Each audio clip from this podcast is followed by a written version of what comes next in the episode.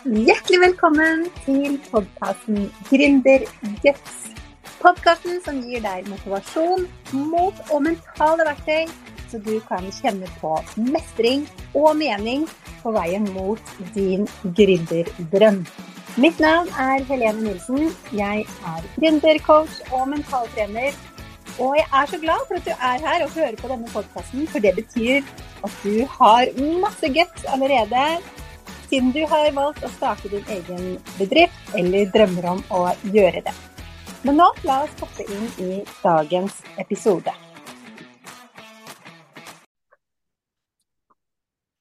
Hei og hjertelig velkommen til en ny luke i denne julekalenderen med mindset-tips og mental trening for eh, gründere.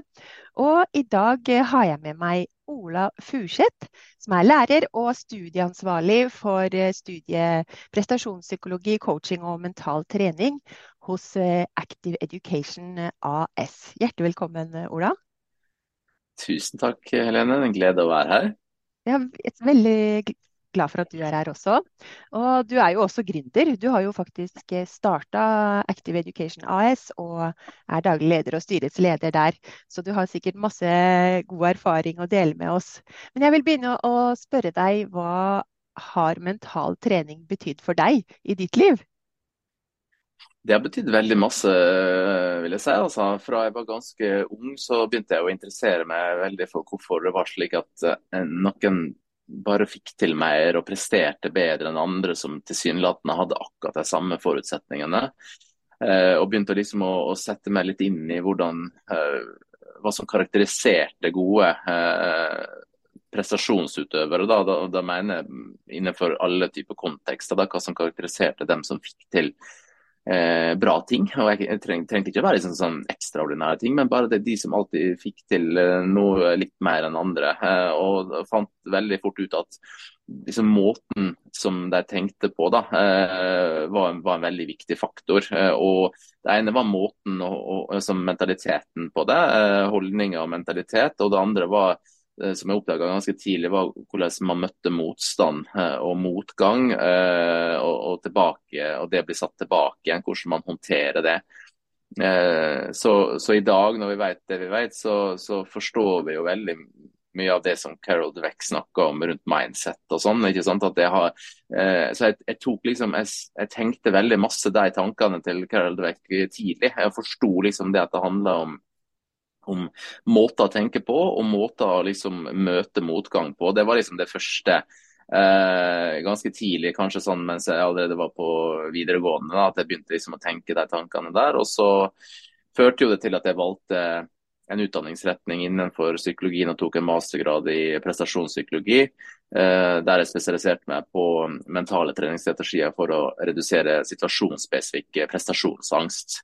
Eh, så det er jo et tema som jeg, som jeg er veldig opptatt av. Eh, det med ikke angst per se, sånn i sykdomsforstand, men den situasjonsspesifikke angsten som vi veldig mange av oss kjenner på i ulike situasjoner. Eh, at man blir ekstra stressa i, i, i, diverse sammenhenger, og hva det gjør med deg, og hvordan du kan håndtere det. Eh, om det er at du skal holde en tale eller et foredrag, eller om du skal gjøre en spesiell viktig ting i, i et møte eller en forhandling i, i forretninga du driver, eller, eller, eller, i hvilken som helst kontekst. da. Uh, så nå, nå, nå, babler jeg veldig av gårde her, så du må bare stoppe meg eh, sånn underveis. altså. Men, eh, men, det var liksom, grunnen til at jeg var så opptatt av akkurat det med prestasjonsangst, det var fordi at jeg, jeg kom fra toppidretten, har vært toppidrettsutøver i alpint. Og så i voksen alder så har jeg drevet med alt innenfor fjellsport, egentlig. Sånn klatring og bratt skikjøring på, på, på, ski og sånne ting, som har gjort at mange av idrettene som jeg, som jeg har drevet med, og som jeg driver med, har ganske store konsekvenser hvis du gjør feil. Eh, og for å eh, på en måte håndtere eh, risikoen, da, risikostyringa di, så må du Da kan ikke du liksom freak out da, når du står i, i viktige prestasjonsøyeblikk. Så liksom lære seg å håndtere den det stresset og den angsten man konkret kjenner på akkurat her og nå, og så bare få den til å gå bort da, for å konsentrere deg om prestasjonen din, det har alltid fascinert meg veldig. da. Det tenker jeg er jo noe som mange gründere sikkert kjenner seg igjen i òg, selv om det er på, på, kanskje på et annet nivå og i en annen sammenheng enn i toppidretten f.eks. Men dette og altså de situasjonene da, hvor man skal prestere noe. Og én ting er jo det at uh, for å få ut sitt potensial og for å på en måte prestere best mulig i den situasjonen, så kan mentaltrening hjelpe. Men kanskje også i, i forberedelsene til uh, Eller å faktisk tørre å gjøre de tinga, da. For det er jo litt sånn mm når man er gründer, så må man på en måte ta det valget selv om å tørre å ta beslutninger i businessen og gjøre disse prestasjonene. da. Mm. Absolutt. Det, det, er veldig mange gode overføringsverdier her. Så når jeg gjorde mastergradsoppgaven min, så, så, så jeg faktisk på overføringsverdien eh, fra toppidrett eh, til næringslivsledere. Så jeg, jeg, gjorde et intervensjonsstudie der jeg implementerte de samme mentale treningsverktøyene som vi bruker på toppidrettsutøvere, og så gjorde jeg det på næringslivsledere, da, som eh, noen av de fem største næringslivslederne i Norge.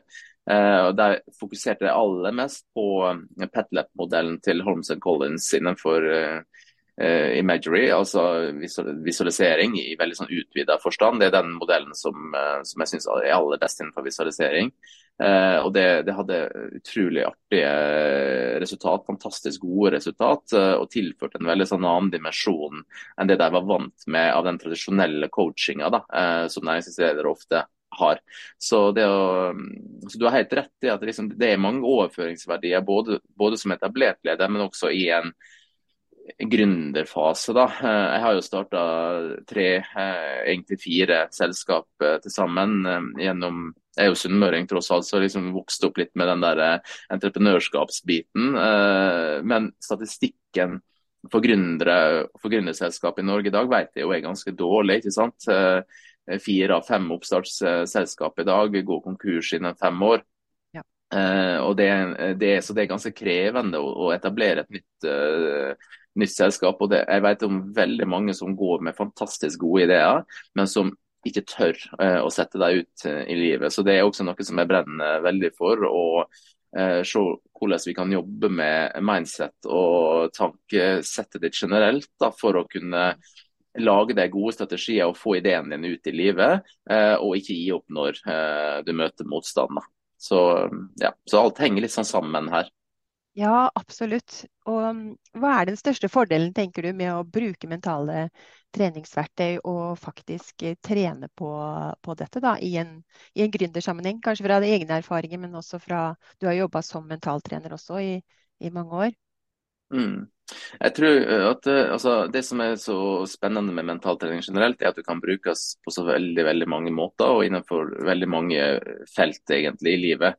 Eh, hvis vi skal se spesifikt på en gründer som skal sette i gang den reisa si mot å stifte et selskap og få det opp og stå og faktisk bli lønnsomt, eh, så, så, så, tror jeg man må bruke god tid i starten på å kvitte seg med mye av den usikkerheten. For den usikkerheten den, den uh, sparker bein under veldig mange prosjekt. Uh, så her kan man jo, og da, da vil jo mange av mentaltreningsverktøyene, ja, hvis man forholder seg til en mentaltreningsmodell der man jobber fra scratch da, med å etablere et rammeverk for uh, alt som går på liksom sånn som Erik snakker veldig mye om, også det med verdi og holdninger. og, og liksom At man har en referansebase i bånn. Og så begynner man å legge på toppen av det, og så begynner man å, å legge på, på, på motivasjonen og se på eh, alle de strategiske greiene rundt mål målstrategiene du skal ha. Eh, og hvordan du skal Altså, det å sette, mange gründere brenner jo seg fordi at de, de, enten så mangler de gode mål, eller så er målene de setter seg helt urealistiske. Eh, og når de ikke når målene sine, så mister de motivasjon. Det her, det her kan vi godt, ikke sant. Eh, og så møter de mot, motstand og ikke får den eh, friksjonen som de trenger for å få framgang på bedriften, og så, så gir de opp.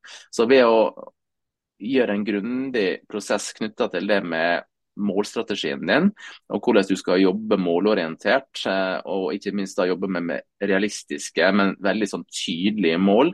Eh, både korttids og langtids. Det, det, har vært veldig viktig for, eh, for, meg, i hvert fall, i de selskapene som jeg har starta. Og jeg tror også at det en grunn til at alle de selskapene jeg har starta, fortsatt er, går bra i dag. Fordi at jeg, jeg, har vært så måldreven på hva vi skal oppnå. og Det kan være små ting, eh, men du må, ha, du må, sjekke av underveis. Og så har vi hatt en parallell strategi på hva gjør vi hvis vi ikke når målene våre. ikke sant? Fordi du kommer kom ikke til å nå alle målene dine, og du kommer til å oppleve det som frustrerende, men da må du ha en plan for hvordan du håndterer det.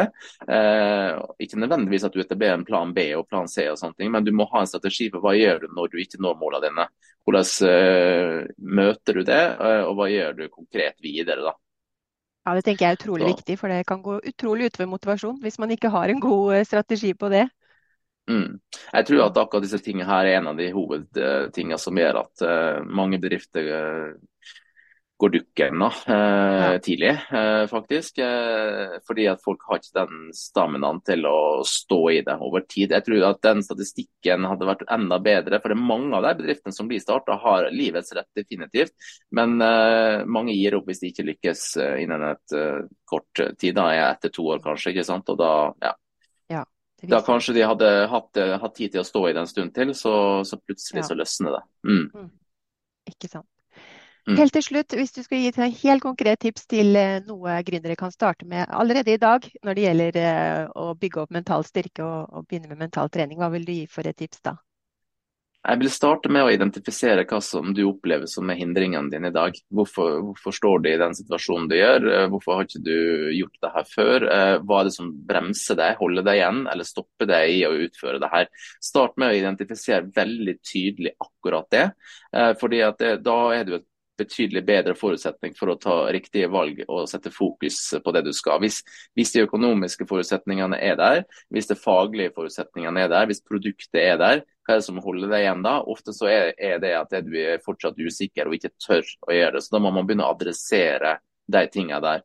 Men det er veldig viktig å gi den, den største gir den grunnbiten der med å identifisere hva er det egentlig som holder deg igjen.